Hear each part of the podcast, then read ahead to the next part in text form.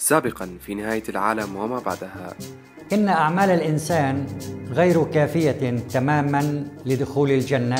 السبب الثالث قصر عمر الإنسان على هذه الأرض. ما معنى كلمة الشفاعة؟ واحدة عطاء والثانية وفاق بالحسبان. جهنم ليست موضوع ظلم من الإنسان إلى النبات إلى الطيور. الشفاعة ليست خارجة عن إرادة الله. فهنيئا لأصحاب الجنة هذا العطاء. أما أصحاب جهنم فبما قدمت أيديهم أمامهم الكثير من الأهوال التي ستحل بهم.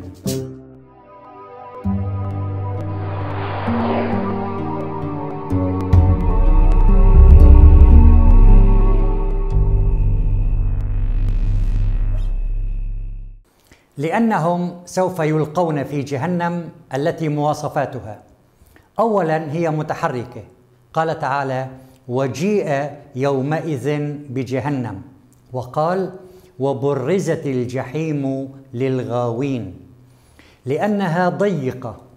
قال تعالى وإذا ألقوا منها مكانا ضيقا مقرنين حيث سيربط كل إنسان مع قرينه الشيطاني لذلك إبليس وأتباع إبليس فقط هم من سيملأ جهنم. الله يخاطب إبليس صراحة فيقول له لأملأن جهنم لأملأن جهنم منك وممن تبعك منهم أجمعين. ومن مواصفاتها أيضا أنها مغلقة بإحكام أي مؤصدة. قال تعالى عليهم نار مؤصدة. لكن كيف سيتم الإغلاق؟ سيتم هذا الإغلاق عن طريق أعمدة متداخلة مع بعضها. قال تعالى إنها عليهم مؤصدة في عمد ممددة. أما الملاحظ في هذه الآية الكريمة أن كلمة مؤصدة جاءت بالصيغة الإسمية وليس بالصيغة الفعلية أوصدة.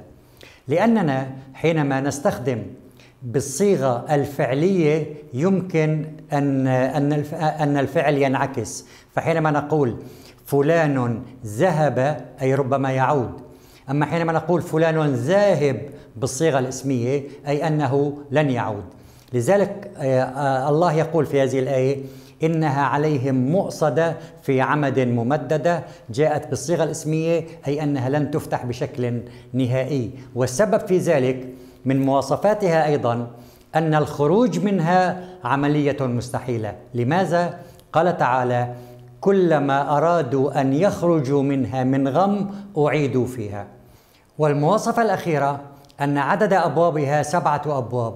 قال تعالى لها سبعة أبواب لكل باب منهم جزء مقسوم. كيف؟ باب مثلا يؤدي إلى الهاوية باب يؤدي إلى سقر باب يؤدي إلى الحطمة حسب أنواع العذاب هنالك أبواب محددة.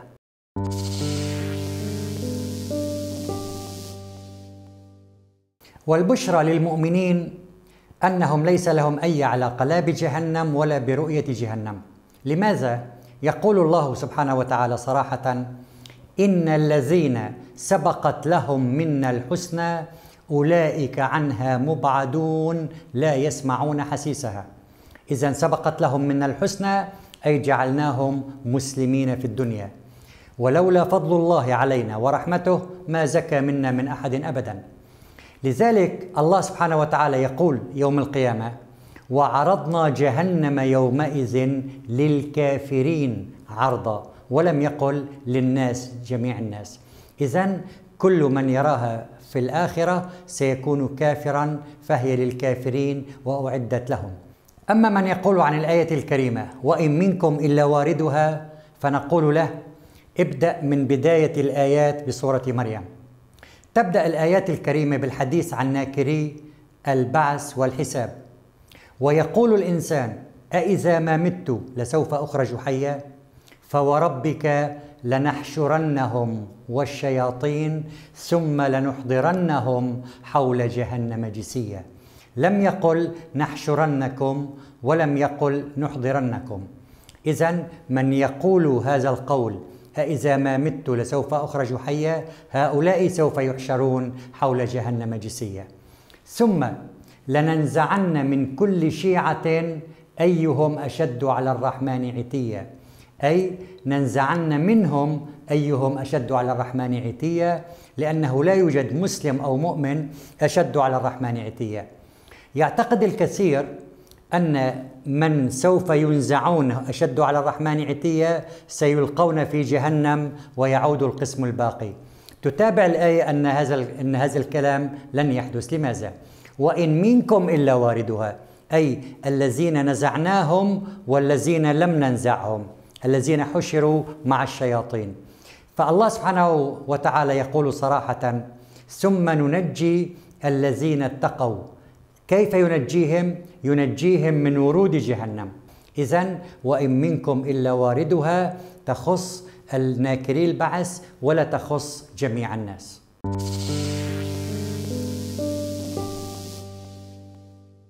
وخزنة جهنم هم من الملائكة الكرام الذين يديرون أمر جهنم. لكن ليسوا ملائكة رحمة. قال تعالى عليها ملائكة غلاظ شداد. وهؤلاء الملائكة يتحدثون دائما مع الذين يحترقون في جهنم. كلما ألقي فيها فوج سألهم خزنتها. ألم يأتكم نذير؟ رئيس مجموعة الملائكة التي تشرف على جهنم يسمى مالك عليه السلام. الله يقول عن لسان الذين يحترقون في جهنم ونادوا يا مالك ليقضي علينا ربك. قال إنكم ماكثون. الملاحظ على هذه الآية الكريمة موضوع لغوي طريف. قالوا ليقضي علينا ربك. لماذا لم يقل ليقضي علينا ربنا؟ لأن النا في كلمة ربنا ارتبطت في الذين يحترقون في جهنم. والله سبحانه وتعالى لا يقرن ولا يربط اسمه الشريف مع هكذا نوعية من المخلوقات. نعطي مثالا آخر. قال تعالى والبلد الطيب يخرج نباته بإذن ربه لأنه بلد طيب ذكر كلمة ربه. تتابع الآية الكريمة والذي خبث لا يخرج إلا نكدا لم يقل بإذن ربه. ومثال آخر الله سبحانه وتعالى حينما يتكلم مع آدم لوحده جاءت الآية الكريمة وقلنا يا آدم اسكن أنت وزوجك الجنة.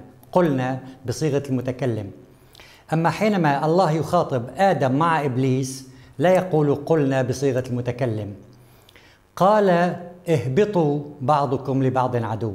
جاءت قال ولم تاتي قلنا. لماذا؟ لأن الله لا يربط اسمه مع الشريرين على الإطلاق. قال تعالى أيضا عن الذين يحرقون في جهنم. وقال الذين في النار لخزنة جهنم ادعوا ربكم يخفف عنا يوما من العذاب. ولم يقولوا ادعوا ربنا بل قالوا ادعوا ربكم.